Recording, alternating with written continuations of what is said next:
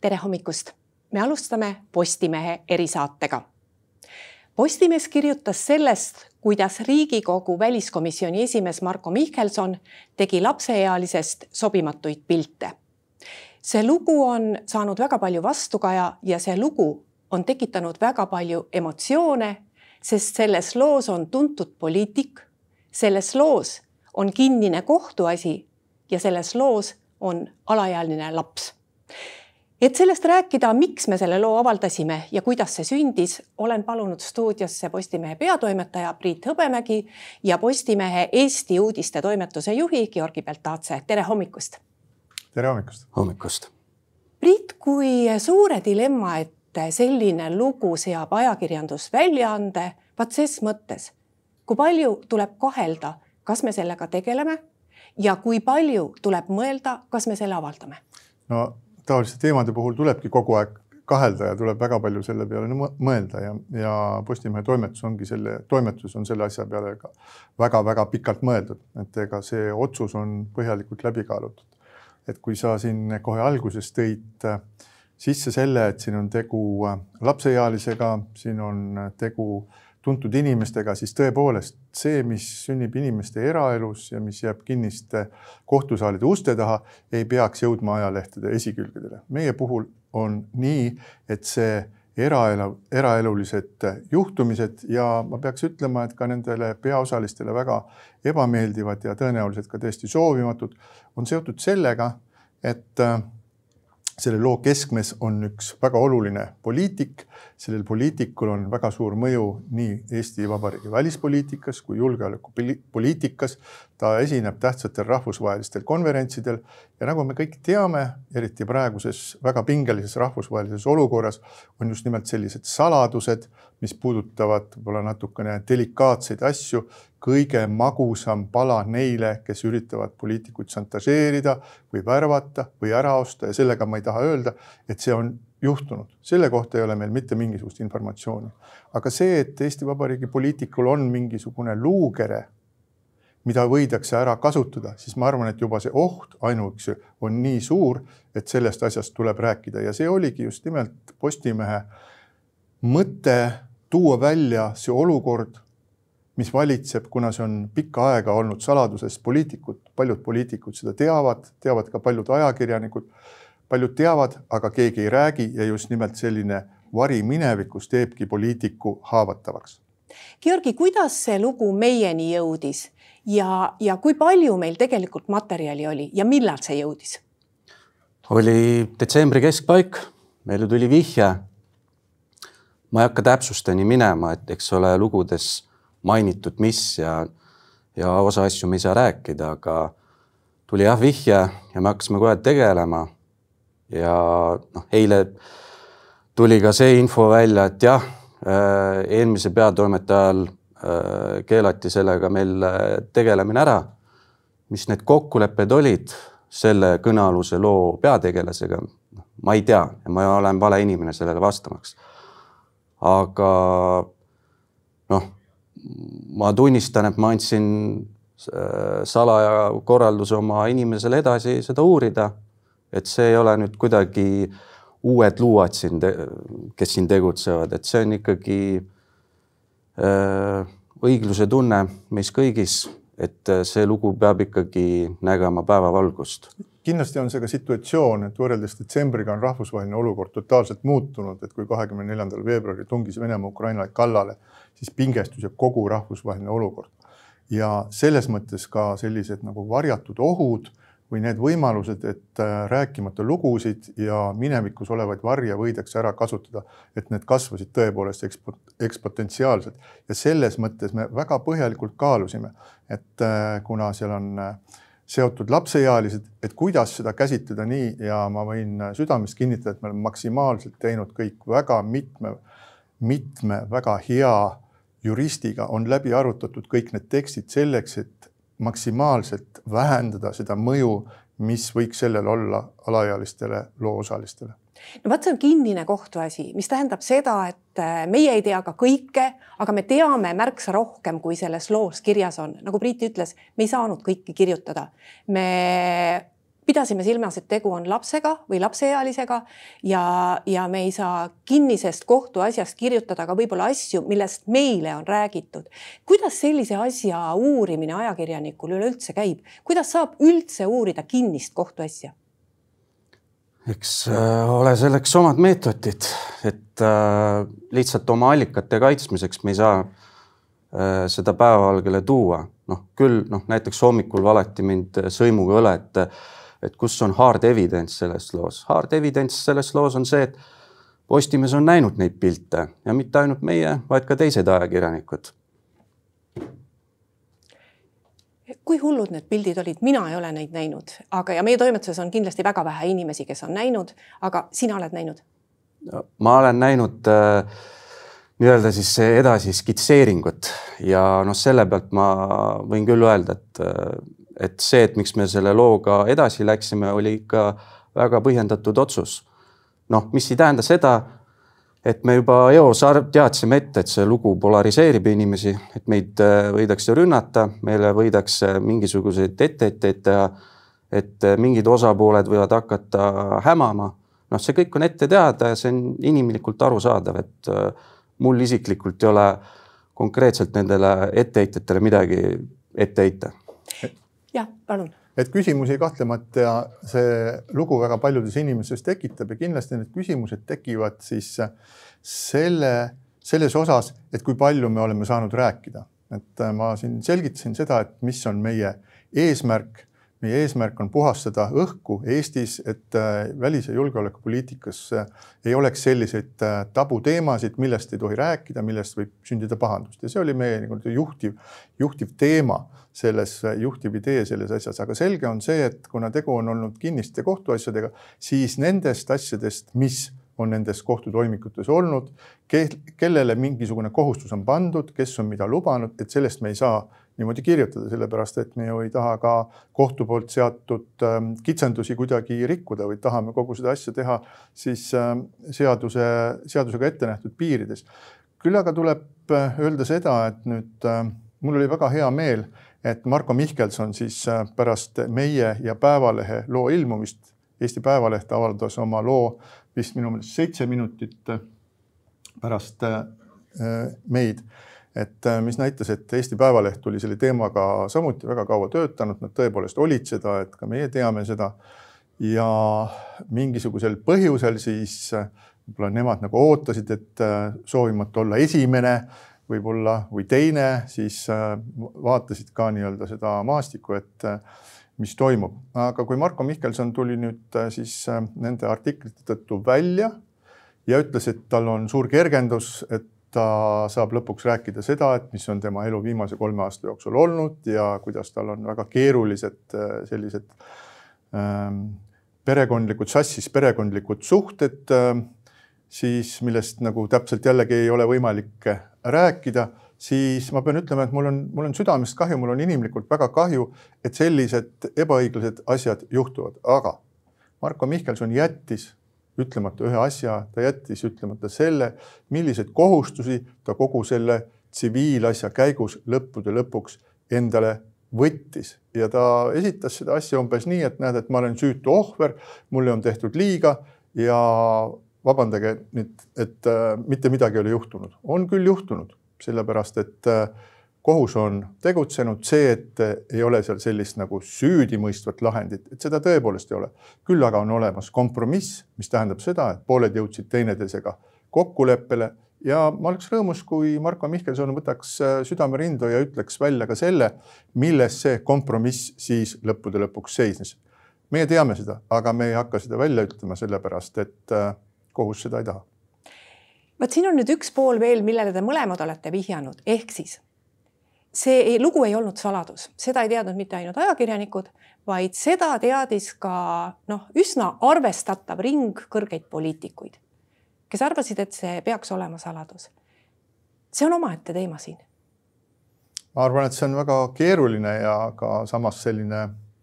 valus teema, et äh, nii nagu võis äh, Päevalehe artiklist lugeda, siis oli äh, Kaja Kallas teadlik sellest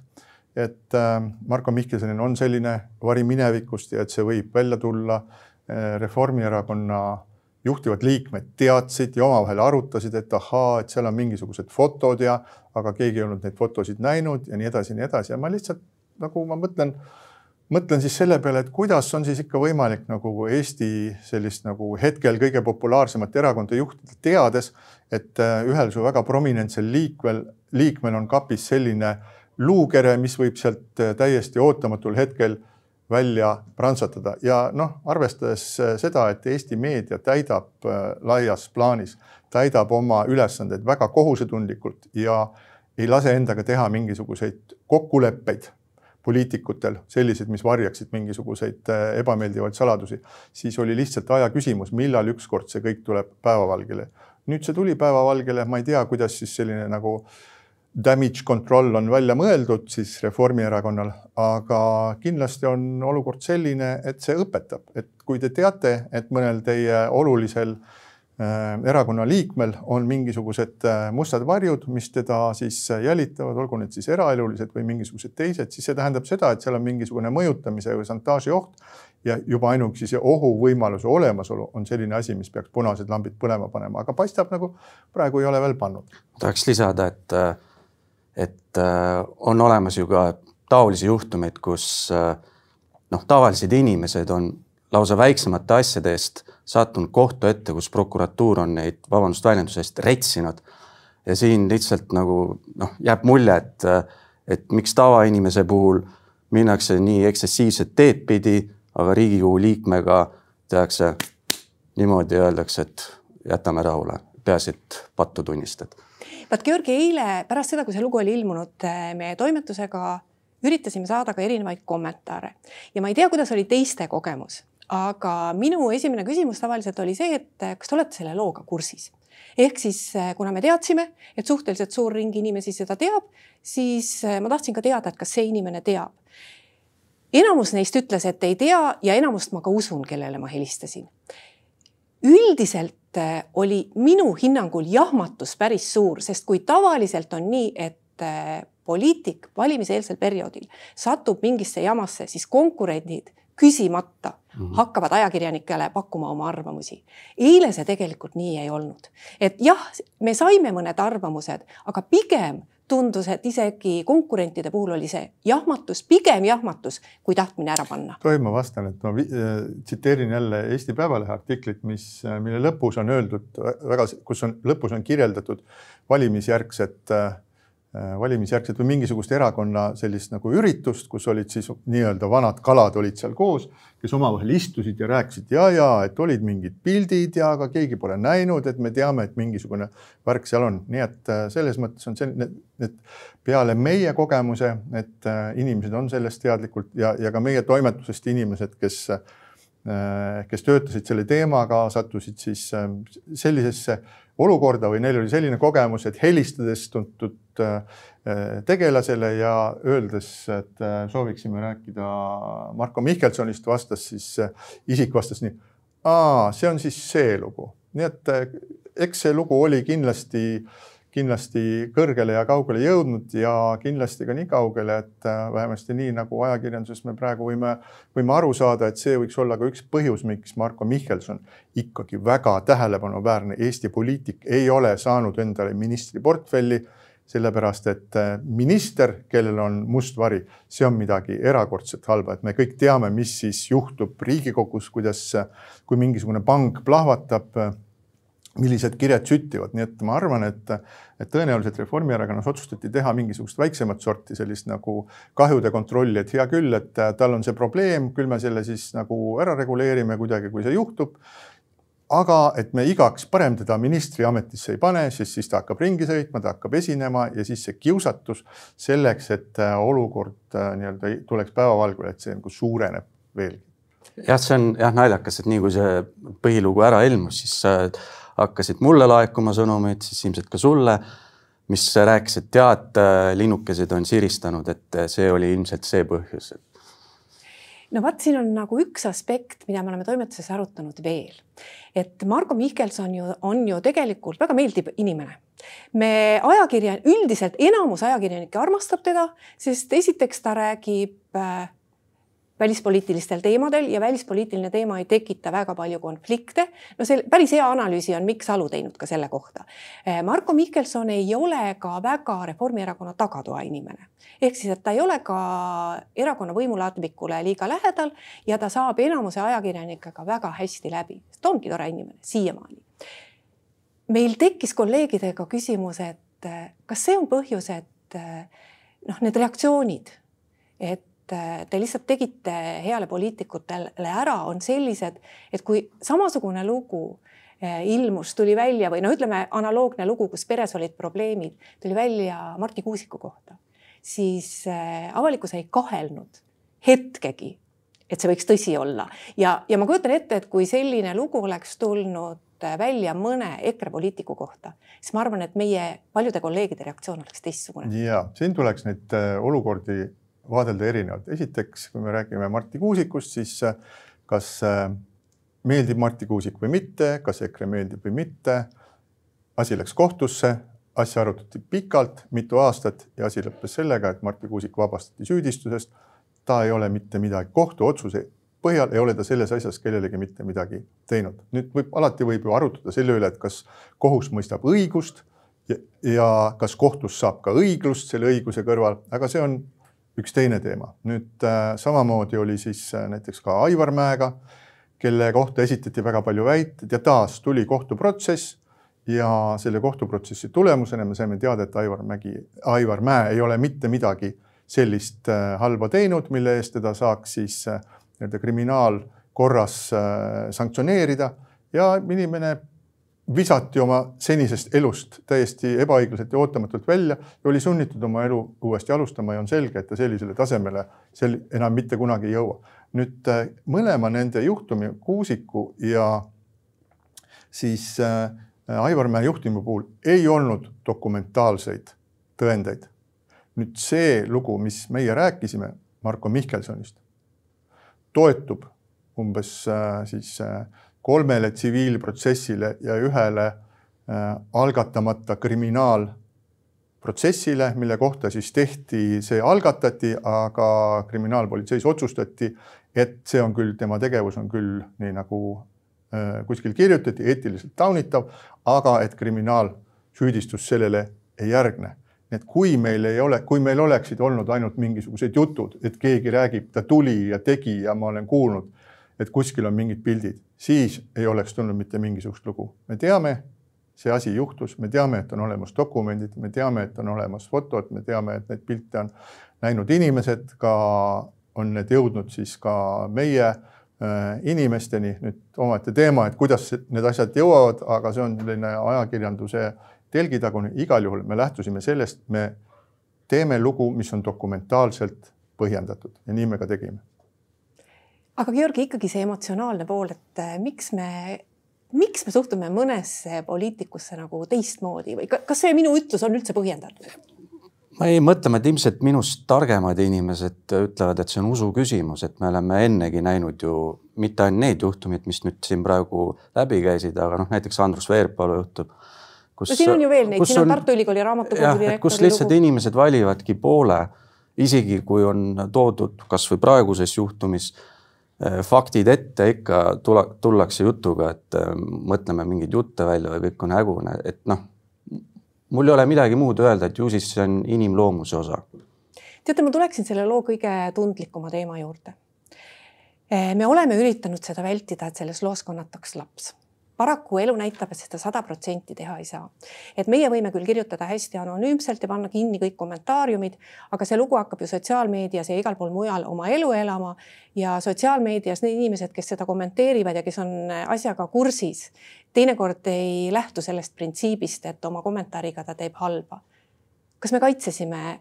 last selles protsessis piisavalt hästi? me oleme last kaitsnud maksimaalselt, nagu ma juba alguses ütlesin, meil on mitu juristi, kes on vaadanud need äh, meie poolt avaldatud tekstid üle viimase komani kuni pealkirjani, kuni alapealkirjani, vahepealkirjani, pildi allkirjani, kõik on läbi kontrollitud ja, ja nüüd äh, siis äh, nüüd tuleb selgitada, et mis on läbi kontrollitud. kõik need tekstid on läbi kontrollitud nii, et Eesti Vabariigis kehtivate seaduste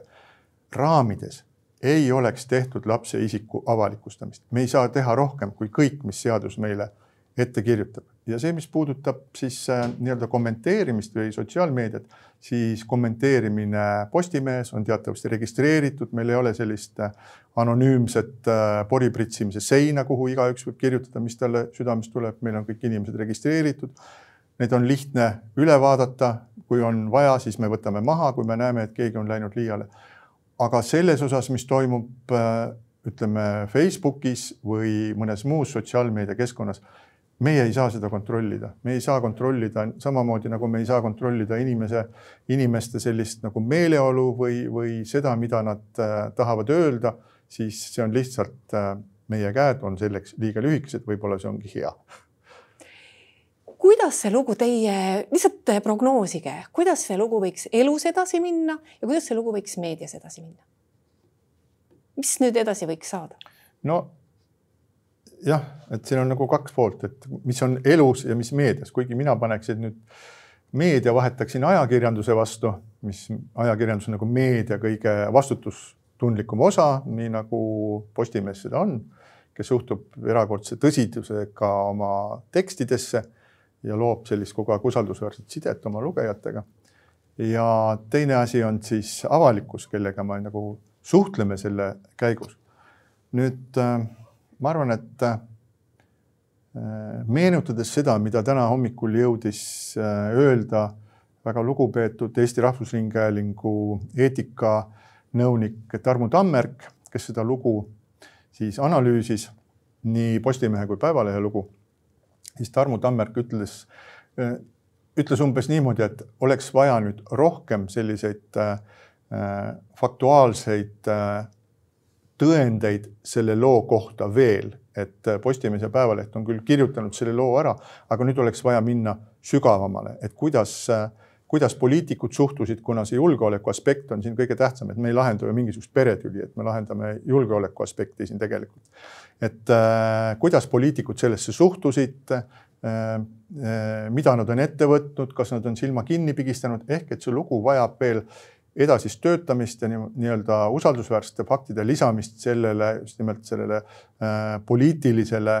küljele ja suhete küljele, aga mitte, mitte seda, seda isiklikku suhete pundart, mida ka Marko Mihkelson möönab, et seda ei ole vaja rohkem torkida, et see on, see oli lihtsalt paratamatult tuli koos kõige selle asjaga välja. nüüd teine aspekt on see, et, et mis saab siis nii-öelda Marko Mihkelsonist edasi ja see on väga huvitav küsimus äh, seoses mitmesuguste selliste liikumistega nagu näiteks Me Too või, või Black Lives Matter ja sotsiaalmeedia sellise täieliku valitsemisega siis maailmas on hästi palju teaduslikult uuritud seda, kuidas siis taolised lood mõjutavad nende peategelasi ja eesti keeles on sellest ilmunud ka mitu väga head äh, sellist ähm, raamatut, mis nii-öelda teaduslikult uurivad siis seda, et kas on nii, et kui, kui kellelegi siis kukub nii-öelda võileib särgi peale ja see on nii-öelda moraalselt taunitav kogu see lugu, et siis kas ta on nagu korra pealt out. ja väga huvitav on see, et tegelikult selliseid reegleid olemas ei ole. on lihtsalt erinevad inimesed ja nagu sa ütlesid, on siis avalikkuse Äh, usaldus nende või teiste inimeste vastu. mõni inimene sisendab usaldusväärsust, aga teine inimene mingisugust usaldust isegi tundub nagu, tundub natukene kahtlane. Ja edasi siis see avalikkus, kes